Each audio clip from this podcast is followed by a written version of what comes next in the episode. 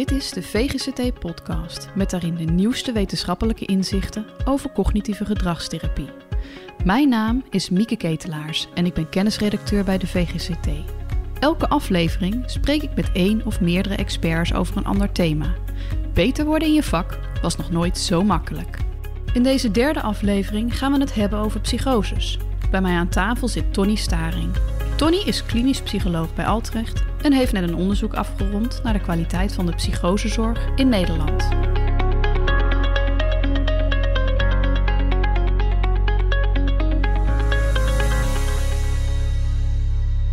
Fijn dat je er bent, uh, Tony. Dank je. Nou hoor je in het nieuws vaak van alles onder psychose geschaard worden, maar wat versta je er nou eigenlijk echt onder? Psychose is een verzamelbegrip. Het is niet één ding. Vaak verwijst het naar een ontregeling waarbij er bijzondere elementen komen. Mensen krijgen bijzondere waarnemingen op hun zintuigen of krijgen bijzondere ideeën waarmee ze alleen komen te staan en niet meer in een gedeelde opvattingen leven met hun sociale omgeving. Maar het is niet altijd een ontregeling. Er zijn ook mensen die al een hele leven lang stemmen horen en dat stemmen horen, dat noem je wel een psychosesymptoom. Want het is een hallucinatie. Maar die mensen zijn niet nu ineens ontregeld terwijl ze dat vorige week niet waren of zo. Dat is een type perceptie die ze vaak en al lang kunnen hebben. Kun je ook psychose noemen of zit in het psychose spectrum op een of andere manier. En stel dat iemand dan stemmen hoort of wanen heeft, heeft hij dan ook nog door dat het niet echt is? In de, in de meest klassieke zin, in de meest klassieke definitie van psychose niet. Mensen hebben het dan niet door, hebben geen inzicht in wat er aan de hand zijn en zijn 100% overtuigd van hun waarnemingen en hun ideeën. Maar dat is de klassieke definitie. Daar zit van alles tussenin. Er zijn genoeg mensen die een deelbesef hebben. Denken van ja, dat klopt iets niet. Er is iets niet helemaal pluis, maar ik kan mijn vinger niet achterleggen. Deels zal het met mij te maken hebben. Deels is er met mijn omgeving iets aan de hand. De mate van inzicht varieert tussen mensen. Varieert in één persoon door de tijd heen. Dat is helemaal niet automatisch gezegd dat ze daar niet over kunnen reflecteren.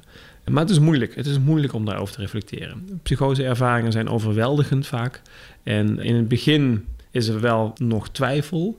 Maar naarmate de psychose toeneemt, als het bij iemand toeneemt, wordt dat moeilijker en moeilijker om daarover te blijven relativeren. Het is zo overweldigend en opdringerig aan je dat je er niet omheen kan en op een gegeven moment conclusies trekt die anderen niet met je delen.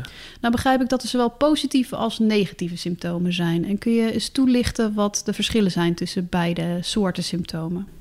Ja, positieve symptomen, dat is psychose in de engere zin. Dat zijn de hallucinaties, wanen, ook desorganisatie wordt er wel eens onder geschaard. Dus dat is de verwarring in spraak en in gedrag. Positief betekent dan van, nou, er is iets bij, er is iets aanwezig wat anders afwezig behoort te zijn. Negatieve symptomen hoeft niet aan de orde te zijn bij psychose, maar kan. Kan er een onderdeel van zijn bij een psychotisch syndroom.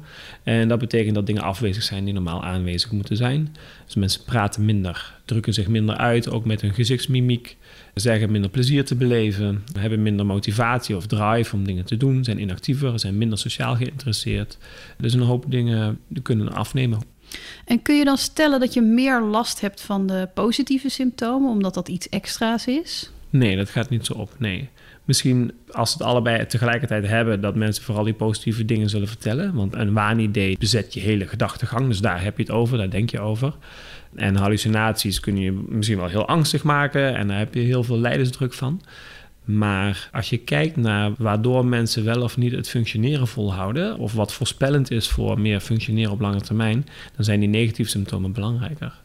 Die zijn invaliderender als mensen daar uh, veel last van hebben. Wat maakt dan dat die negatieve symptomen zoveel meer impact hebben? Het zit een beetje in de definitie ervan. Dus als het moeilijk is om op gang te komen, moeilijk is om jezelf uit te drukken, en je hebt geen interesses meer, ja, dan doe je gewoon weinig. En dan functioneer je dus niet goed. Dan is het moeilijk om op je werk productief te zijn. Je bent daar niet meer toe gedreven.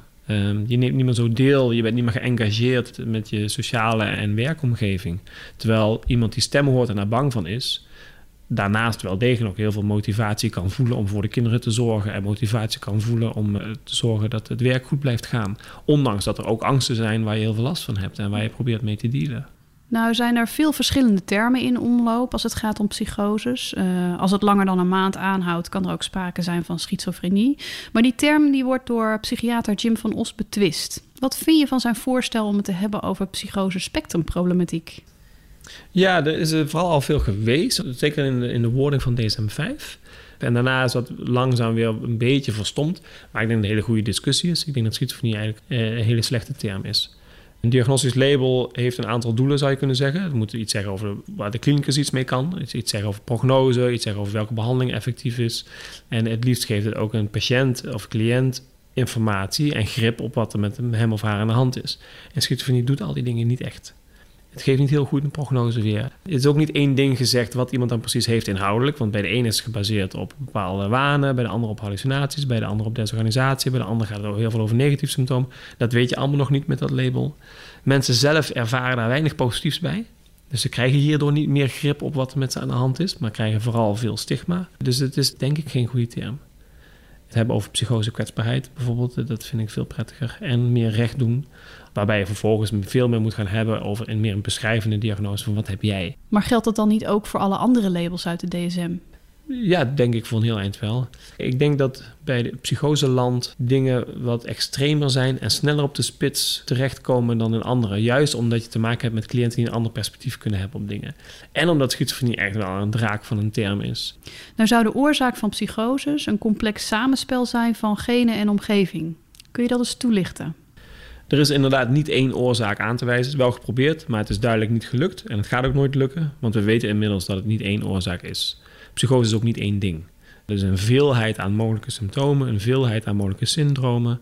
En de oorzaken zijn net zo divers bijna en verschillen ook per type psychosesymptoom, wat daar mogelijk oorzakelijk aan kan bijdragen. Dat gezegd hebbende, Genen kunnen heel veel uitmaken. Je kunt een erfelijke kwetsbaarheid hebben om een grotere kans te hebben om psychotisch te worden. Dat zit hem niet in één gen, dat zit hem in een stuk of 108 genen, verspreid over alle chromosomen. En niemand heeft al die genvarianten niet, of 1 op de miljoen of zo. En niemand heeft ze allemaal wel. Iedereen heeft ze in bepaalde mate. Dus iedereen heeft qua genetische opmaak in bepaalde graduele mate een kwetsbaarheid om psychotisch te worden.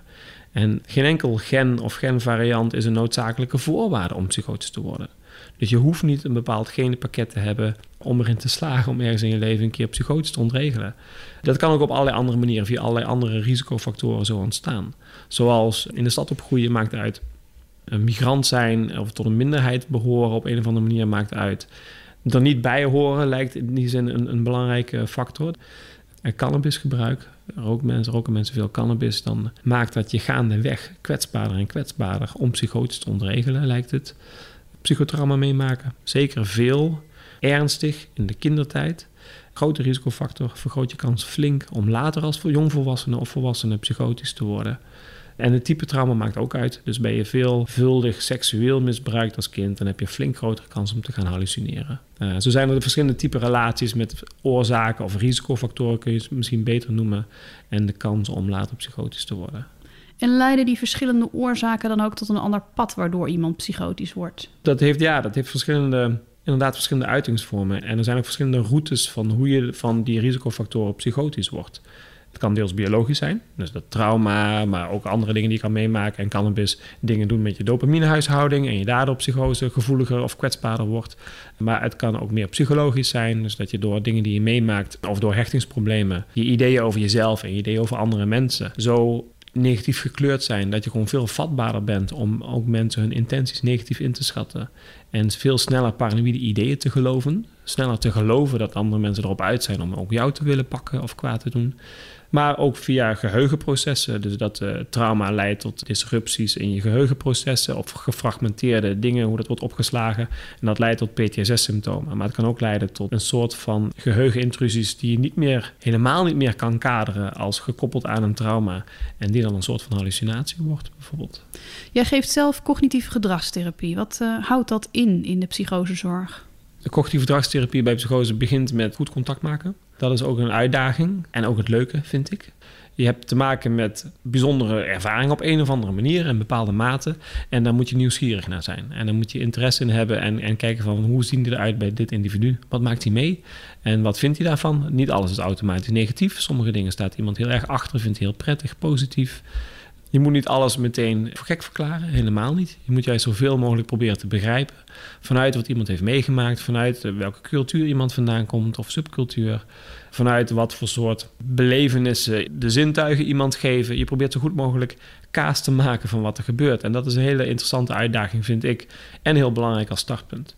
En vanuit dat begrip van wat er met die ander aan de hand is en waar die bel of niet aan wil werken, ga je proberen samen te werken. En ga je proberen het cognitieve model te introduceren. Dus dat je laat zien van hoe jij probeert de dingen die je hebt gehoord samen te vatten. En kijken of de ander het daarmee eens is. Dus je gaat op allerlei manieren proberen te kijken of je common ground kan vinden. Om de neuzen dezelfde kant op te krijgen.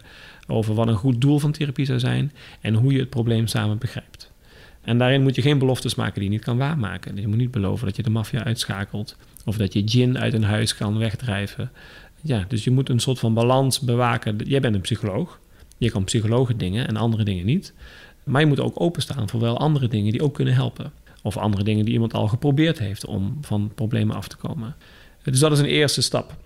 Daarna, als je een doel hebt waar je samen achter staat en je vindt dit zinvol en daar kan ik mogelijk iets in betekenen, en je hebt een gezamenlijk idee over hoe het probleem eruit ziet, ja, dan ga je aan de slag meer met echt CGT, met echte interventie, verandertechnieken. En dat gaat in heel erg verschillend tempo. Bij de een kan het heel snel gaan, bij de ander doe je vijf sessies over één stap. Je moet dat goed individualiseren. En je moet mensen niet uh, ziekte in zich door de strot duwen. Uh, je moet mensen ook niet jouw realiteit door de strot duwen. Deels van het bijzondere van werken met psychose is dat je met allerlei ideeën te maken krijgt uh, en perspectieven. En dat betekent ook dat je zult moeten respecteren dat voor een deel die dingen ook zo blijven. Mensen mogen ook hun eigen visie op het leven en op de werkelijkheid hebben. Die variëteit in hoe mensen tegen dingen aankijken, moet je als het ware omarmen. En dan moet je niet allemaal proberen weg te poetsen of te normaliseren. Dat moet niet je doel zijn als cognitief gedragstherapeut bij psychose. Maar stel dat iemand ervoor open staat en er graag iets aan wil doen, is het dan überhaupt mogelijk om aan de waan of hallucinaties zelf iets te doen? Soms wel. Dus ja, het ligt een beetje aan dus wat iemands doel is. Dus mensen zeggen, ja, het zou heel prettig zijn als ik niet meer 24 uur per dag alert hoefde te zijn op uh, of mensen me te graas willen nemen. En het zou fijn zijn als ik niet meer zo bang was. Of het zou fijn zijn als ik niet meer zo somber werd, telkens als ik die stemmen hoorde. Of, zegt iemand, het zou fijn zijn als de stemmen weggingen. Nou, dat kan ik inderdaad niet beloven als cognitieve gedragstherapeut. Maar het is ook niet zo dat het automatisch niet lukt of dat je daar niks aan kan doen. Dat kan soms wel een beetje. Het liefst maak je daar ook wat positieve doelen van. Dus dingen van hoe verbetert je functioneren als je dit voor elkaar krijgt? Of wat ga je dan wel weer doen met die tijd? Of hoe gaat het je relaties verbeteren als dit lukt? Weet je wel? Dus dat iemand ook denkt van ja, daar doe ik het voor. En als je nou eens een, een concreet voorbeeld zou moeten geven, welke technieken gebruik je dan? Soms begin je heel erg bij het leren interpreteren van dingen die in het hier en nu gebeuren. Dan heb je het niet over de, wat wij noemen de centrale waanopvatting. Dus dat je achtervolgd wordt bijvoorbeeld. Maar ga je veel meer kijken van oké, je bent eigenlijk best wel zeker van die mensen zijn met je bezig. Een hele groepering is uh, informatie over jou aan het verzamelen en wil je kwaad doen. En dat idee wordt heel vaak geactiveerd als je buiten op straat bent. Laten we samen eens gaan kijken bij welke dingen dat idee geactiveerd wordt. Dus in, in CGT-termen, welke stimuli triggeren die opvattingenstructuur of die emoties of waar het dan ook om gaat. En daarin kun je soms ontdekken dat iemand daar niet altijd 100% overtuigd is dat die persoon op straat of die andere persoon op straat met hun bezig zijn. Dus bij de ene weet ze het wel zeker, bij de andere denk ik, ja, bij die weet ik het niet zeker, want die, die heeft wel een oortje in en hij heeft ook een zonnebril op, maar hij ziet er niet uit als een van die groeperingen. Dus we weten niet zeker of die mij ook kwaad wil doen of achtervolgen. En zo ga je in het hier en nu, bij de dagelijkse triggers, oefenen met, nou, informatie verzamelen, eh, verklaringen bedenken over waarom mensen daar nog meer kunnen zijn, behalve dat ze jou kwaad willen doen. Vanuit die andere verklaringen ga je weer opnieuw kijken en kijken of je dat eventueel kan testen op een of andere manier. Dus je gaat de manier van denken en de manier van informatie verzamelen in het hier en nu rondom actuele triggers, die kun je soms al wel enigszins bewerken terwijl een centrale waan blijft zitten. Als dat lukt, dan probeer dat daarna weer te integreren. Wat zegt dat over je, over je totale ideeën over hoe onveilig je op straat bent of wat je wel en niet kan op straat? Een andere route is via het gedrag. Dus dat je iemand die zegt van, nou ja, ik ben zo alert omdat ik probeer te voorkomen dat ik vermoord word. Of ik gehoorzaam altijd aan mijn stemmen omdat ik probeer te voorkomen dat uh, ze hun macht uitoefenen en mijn familie wat aandoen bijvoorbeeld. Als je erg bang bent voor je stemmen. Dus een eerste beginnetje kan zijn een historische toets. Dus dat je samen eens terug gaat kijken wanneer kon je dat gedrag nou niet uitvoeren. En hoe vaak ging het toen mis? En hoe vaak is dat eigenlijk voorgekomen? Want de selectieve aandacht staat daar niet op gericht. Die zit vooral op bevestiging gericht. Dus je gaat dan heel erg bewust eens de andere kant op vragen. Van, goh, ja, wat gebeurde nou in die uitzonderingsgevallen? En zien we daar nou heel veel gevaar optreden... of heel veel bewijs dat het echt meteen misgaat? En dan kun je wat andere cognitieve technieken aan toevoegen. Bewijzen voor en tegen. Of eventueel kun je wat psycho-educatie geven als iemand je dat toestaat. Maar dat doen we heel erg gedoseerd en geïndividualiseerd. Ook anders getimed per persoon. Ja, en gaandeweg kun je kijken of iemand naar gedragsexperimenten durft toe te werken met een keer ander gedrag vertonen. Of het veiligheidsgedrag een beetje loslaten. Of abstracter bepaalde ideeën over de macht van een stem gaan testen. Even terug nog naar die psycho-educatie, want dat triggerde me wel even. Want waarom zijn jullie daar zo voorzichtig mee? Ja, je hebt niet automatisch de neus dezelfde kant op over wat er aan de hand is. En psycho-educatie is informatie vanuit jouw perspectief als behandelaar. En dat perspectief moet wel aansluiten bij je cliënt. Dus als iemand een heel andere visie heeft op wat er aan de hand is, dan valt dat niet in een, in een context waar hij daar iets mee kan. Sterker nog, dan krijg je misschien wel een discussie die niet helpt. Maar goed, het ligt er een beetje aan wat je vertelt en hoe je het vertelt. Dus sommige stukjes psycho-educatie kunnen al heel zinvol zijn ergens in het begin. En andere stukjes doe je dan veel later. Dus sommige dingen over psychologische processen, van selectieve aandacht bijvoorbeeld. Bij sommige mensen kan ik dat in het begin vertellen. Terwijl psycho-educatie over stemmen horen en wat, hoe dat allemaal verklaard kan worden en waar het allemaal vandaan kan komen. Dat doe ik dan pas misschien bij sessie 10. Hey, en stel nou dat zo'n behandeling succesvol is. Wat is dan de kans dat iemand toch weer een terugval krijgt? Kijk, mensen met milde varianten van psychose misschien wat minder vaak. Mensen die een flinke psychose hebben doorgemaakt, dan zie je bij de meerderheid dat ze daarna nog een keer een episode gaan krijgen. Dat geldt volgens mij ook voor depressie trouwens. Hoor. Dat is niet alleen bij psychose zo. Maar toch, een significante minderheid, ik denk misschien een kwart of zo, blijft het bij één psychose. En die krijgen het daarna niet meer. En wat voor een rol speelt medicatie in het geheel? Uh, medicatie is eerste keusbehandeling bij een, een, volledige psychose. Niet bij subklinische psychose of dingen die een risico hebben om psychose te worden. Daar is CGT de eerste voorkeurbehandeling. Medicatie is voor een, een volledig aanwezige psychose de eerste voorkeurbehandeling bij de positieve symptomen vooral. Uh, dus wordt er aan iedereen aangeboden eigenlijk die dat heeft. En het is het effectiefste wat we hebben ook. Tegelijkertijd is het heel bescheiden effectief. Maar beter hebben we nog niet. En dat, dat moet wel komen. Maar we zijn gewoon niet super goed in het behandelen van psychose. Iets meer dan 50% heeft binnen zes weken een minimaal effect van antipsychotica. Dus een minimaal effect is dan gedefinieerd als 20 of 25% afname op een PANS-score. Maar placebo heeft dat bij 30%. En hoe vergelijkt dat dan met CGT? CGT is nog iets minder effectief. Dus daar geldt ook voor dat placebo doet wat. Praten met mensen doet gewoon wat. Uh, doe je het op een CGT-manier, dan helpt het beter dan als je dat niet op een CGT-manier doet. Uh, dat gezegd hebben, er zijn wel varianten die wat meer beloven. De CGT is ook niet één ding voor psychose. Er zijn verschillende varianten van. Daar zijn nieuwe ontwikkelingen in, zowel qua vorm als qua inhoud. En die doen het dan weer iets beter. Maar even afwachten of die hun belofte waarmaken in toekomstige trials. En over wat voor ontwikkelingen hebben we het dan? Virtual reality bijvoorbeeld. Uh, of deels met een app erbij. Met avatar-therapie, dat lijkt op virtual reality, maar waarbij je de stem een gezicht krijgt bijvoorbeeld. En je daarmee uh, assertiviteitsoefeningen gaat doen tegen je stem, die dan een gezicht heeft gekregen. In de eerste trials die er zijn, wordt daar veel belofte gezien van hé, hey, wat dat doet en dat mensen daar meer effect van krijgen. Nou heb je net een rapport uitgebracht met een aantal zorgelijke conclusies over de psychosezorg in Nederland. Dat gaat vooral over de implementatie. Dus in Nederland hebben we te weinig capaciteit van therapeuten die in de psychosezorg werken. Er werken te weinig psychologen. De psychologen die er werken besteden hun tijd ook veelal aan andere dingen dan CGT voor psychose. Wat terecht is, want de doelgroep die ze bedienen die heeft van alles en nog wat. Maar psychose staat wel op de voorgrond in die teams. 60% van de patiënten in die teams heeft een psychotische stoornis. En als je kijkt naar hoe die psychologen, hoeveel er zijn, hoeveel uren ze hebben en hoe ze die tijd verdelen, dan kunnen ze uiteindelijk maar ongeveer 20 tot maximaal 25 procent van de benodigde CGT voor psychose leveren. En van wat ze leveren is vermoedelijk de helft maar daartoe opgeleid. Dus de psychologen die er zitten, uh, hebben vaak ook niet goede opleiding om CGT voor psychose te doen. Dus dat is heel zorgelijk. En wat ligt daar dan aan ten grondslag aan het gebrek aan professionals? Deels een geldkwestie, denk ik. Deels ook dat psychologen misschien meer in andere sectoren werken. Deels doordat naarmate psychologen hoger opgeleid zijn, ze vaker naar wat mildere doelgroepen gaan omdat het wat makkelijker werken is misschien. Je zit daar ook wat meer tussen je eigen discipline, tussen de psychologen. Terwijl als je als psycholoog in de psychosezorg werkt, zit je meer tussen de artsen en verpleegkundigen. En dat samenwerking is leuk en daar zitten allerlei positieve dingen aan. Maar voor veel mensen is het misschien ook ingewikkeld. Je spreekt toch niet dezelfde taal. Je hebt toch niet dezelfde visie op behandeling altijd. Dus je moet je daartoe verhouden op een of andere manier. En als je een jonge psycholoog bent en je hebt daar niet een ervaren psycholoog bij staan, dan is dat niet automatisch leuk. Dan is dat best wel ingewikkeld. Dus in de infrastructuur van, van hoe je zorgt dat jonge psychologen daar werken en dat blijven leuk vinden, moeten daar ook ervaren krachten bij zijn die dat begeleiden. Het is ook misschien de doelgroep deels zelf. Dat is hypothetisch. Ik denk dat mensen met angststoornissen assertiever zijn. Meer weten van wat in de richtlijnen staan, wat ze zouden moeten krijgen. Dus dat bij hun zorgverzekeraar of bij een GGZ-instelling ook opeisen, zij en hun naasten.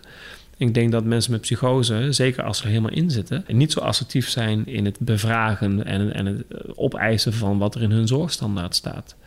Uh, dus, dus mogelijk dat zij zelf ook niet hun belangen op die manier vertegenwoordigen. Er wordt de laatste tijd ook steeds meer ingezet op screening, op psychose, om mensen in een vroeg stadium eigenlijk al te gaan begeleiden. Wat vind je van die ontwikkeling? Ik vind het een goede ontwikkeling. Uh, wij doen het zelf ook met onze afdeling. We hebben daar een team voor. Die uh, zowel binnen onze eigen instelling Altrecht, maar ook andere instellingen die in de Utrecht-regio opereren, samen met hun uh, screent bij alle mensen aan de voordeur van de GGZ. Dus bij Jellinek Verslaving, bij Psymens, bij PsyQ. Die screenen standaard. En als mensen daar zelf ook voor openstaan, dan gaan wij daarheen om een assessment te doen om te kijken of ze zo'n risicoprofiel hebben. Dat is werkzaam gebleken. Dus je kunt die mensen vinden. Het staat ook niet voor niets in de huidige zorgstandaard in Nederland om dat te moeten doen. Je kunt die mensen vinden en als je ze vindt, dan hebben die mensen zo'n 20 tot 30 procent kans om in de komende twee à drie jaar een volledige psychose te krijgen.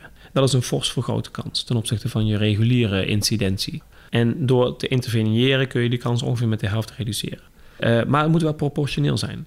En je moet opletten dat je niet negatieve effecten sorteert met zo'n infrastructuur die je neerzet en labels die je daar eventueel bij gebruikt of terminologie.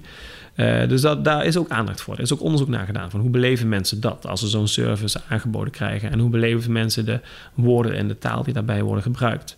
En daar ervaren mensen wel wat stigma van. Maar ze ervaren nog meer stigma van de symptomen zelf, waar ze eigenlijk zelf ook al zorgen over hadden. Dus sommige mensen beginnen wat stemmen te horen en zijn al bang, oh ben ik gek aan het worden en delen dat dan nog niet. Vaak is er veel opluchting als zo'n dienst er is die dan tegen ze gaat zeggen: joh, wij gaan kijken hoe ernstig dat bij jou is en of je daar wel of niet een risico op hebt. En stel dan dat iemand met zo'n screening naar boven komt, wat, wat, wat doe je daar dan mee? In het algemeen bied je een CGT-module van ongeveer 12 sessies, die een beetje op de vorm van het denken gaat en wat minder op de inhoud van het denken. Maar afhankelijk van waar iemand zelf zit en hoe zijn subklinische psychosefenomenen eruit zien, doe je nog wat meer inhoudelijke CGT erbij. Er zitten wat leefstijladviezen in. Bij een enkeling gaat het over uh, dingen serieuzer nemen. Van joh, je bloot veel en bagatelliseert het misschien, maar dit is met jouw profiel spelen met vuur. Dus dat wil je dik aanzetten. Maar bij de meeste mensen gaat het over geruststelling. Dat je minder schrikt van bijzondere ervaringen, die aan zich gewoon eigenlijk heel veel voorkomen. Dat je wat minder schrikt van bijzondere ideeën, die eigenlijk ook heel veel voorkomen. Want juist daar zo van schrikken en daar zoveel zorgen over hebben, of denken dat je daarmee heel anders bent dan andere mensen, dat zijn de psychologische processen die iemand richting een gevarenzone kunnen brengen. En daar wil je wat aan doen, juist met een hele geruststellende attitude. Een laatste vraag dan, want je had het net al over een aantal nieuwe vormen van CGT die de komende jaren ontwikkeld zullen worden. Maar zijn er nog meer ontwikkelingen waar we rekening mee moeten gaan houden? Nou, die nieuwe vormen en ook het nieuwe inhouden hoor, van CGT, dus dat het inhoudelijk anders aanvliegt, die moeten verder ontwikkeld worden. En we weten nog niet precies wat eruit komt. Ik heb daar wel hoop op. Inhoudelijke veranderingen. Ik denk dat we meer los moeten gaan laten dat we alles geïntegreerd willen behandelen. En wat bescheidener blijven en dingen gefocust modulair behandelen. Jouw hulpvraag is op straat durven. We gaan gewoon oefenen met op straat gaan. Niet te blijven hangen in dingen goed snappen en daar tien sessies aan kwijt zijn zonder dat je iemand nog hebt geholpen. Wat ook regel is, eerder dan uitzondering in de psychosezorg, is dat mensen tien problemen hebben. Drie van de problemen zou je psychose kunnen noemen, maar ze hebben ook nog zeven problemen en die heten dan depressie en trauma en dwang en persoonlijkheidsproblematiek en drugsproblematiek. Nou, dat verhoudt zich allemaal op een bepaalde manier tot elkaar. En dat kun je gaan uitzoeken en uitpluizen. Maar dat blijven hypotheses. Je komt er niet altijd uit. En je moet ook gaan handelen. Tegelijkertijd is het juist bij de complexiteit zo dat allerlei dingen door je behandeling heen kunnen vliegen. Dus een behandeling van 40 sessies die alles netjes geïntegreerd aanpakt, dan zijn mensen misschien al afgehaakt bij sessie 12 het meer modulair gefocust aanpakken. Eventueel gewoon op dat cliënt kiest van... nou, ik wil eerst hier aan werken... en dan ga ik daarna weer aan mijn zelfbeeld werken... en daarna wil ik aan mijn piekeren werken... en daarna wil ik aan mijn stemmen werken... en dan doe je dan dit zes sessies en dan dat tien sessies. Dat is een manier die in Engeland tot nu toe wel vruchten afwerpt... op paranoia-gebied gericht. Verder denk ik dat ondanks die innovaties en die beloftes... we ook gewoon beter wat al goed werkt moeten implementeren. Dus dat we gewoon meer beschikbaar moeten maken voor onze medemens met psychose. Want het is echt niet zo dat we binnen nu in een jaar al die nieuwe ontwikkelingen alles op zijn kop hebben gezet. Dat gaat traag. En ja, verder vind ik dat we samenlevingsbreed ook nog allerlei dingen moeten met psychose. Dus niet alleen qua therapie en CGT, maar dat we menselijke variëteit weer leren, waarderen, omarmen en op allerlei manieren proberen ruimte te maken in de samenleving. Het anders zijn van psychose valt wel mee. Er zit veel gradatie in psychose. Als je er goed naar kijkt, is het niet zo. Heb je een psychose, ja, dan ben je echt gek. Of dan heb je een hersenziekte of een genetische afwijking, ben je echt anders dan ik. Als je er goed naar kijkt, zie je dat het meer op een spectrum en een continuum zit. En dat jij zelf of mensen in je directe omgeving echt wel eens psychoseachtige verschijnselen hebben meegemaakt. En dat besef, dat het niet zo ver van je bedshow is, dat is erg nodig en vervolgens behulpzaam in dat mensen er weer meer bij kunnen horen en dat je mensen niet buitensluit van allerlei dingen. Want in dat uitsluiten of dat buitengesloten voelen voor mensen op zijn minst, maar zeker ook als het daadwerkelijk gebeurt, is deels oorzaak van psychose. En zeker een standhoudende factor als mensen eenmaal psychose kwetsbaarheid hebben. En het erbij horen is super belangrijk. Dat lijkt me een pracht idee eh, om mee te eindigen, Tony. Minder uitsluiten en meer omarmen. Dank je wel dat je je inzichten met ons wilde delen. En ik hoop dat we daarmee ook een aanzet kunnen geven om meer professionals te interesseren voor de psychosezorg. Graag gedaan. Je luisterde naar de derde aflevering van de VGCT-podcast. Volgende maand komen we met weer een nieuwe aflevering die deze keer zal gaan over EMDR. Heb je een vraag over EMDR die je graag beantwoord ziet? Of wil je zelf een thema aandragen voor een podcast? Stuur dan een mailtje naar communicatie.vgct.nl. En wie weet horen we jou in een van de volgende podcasts.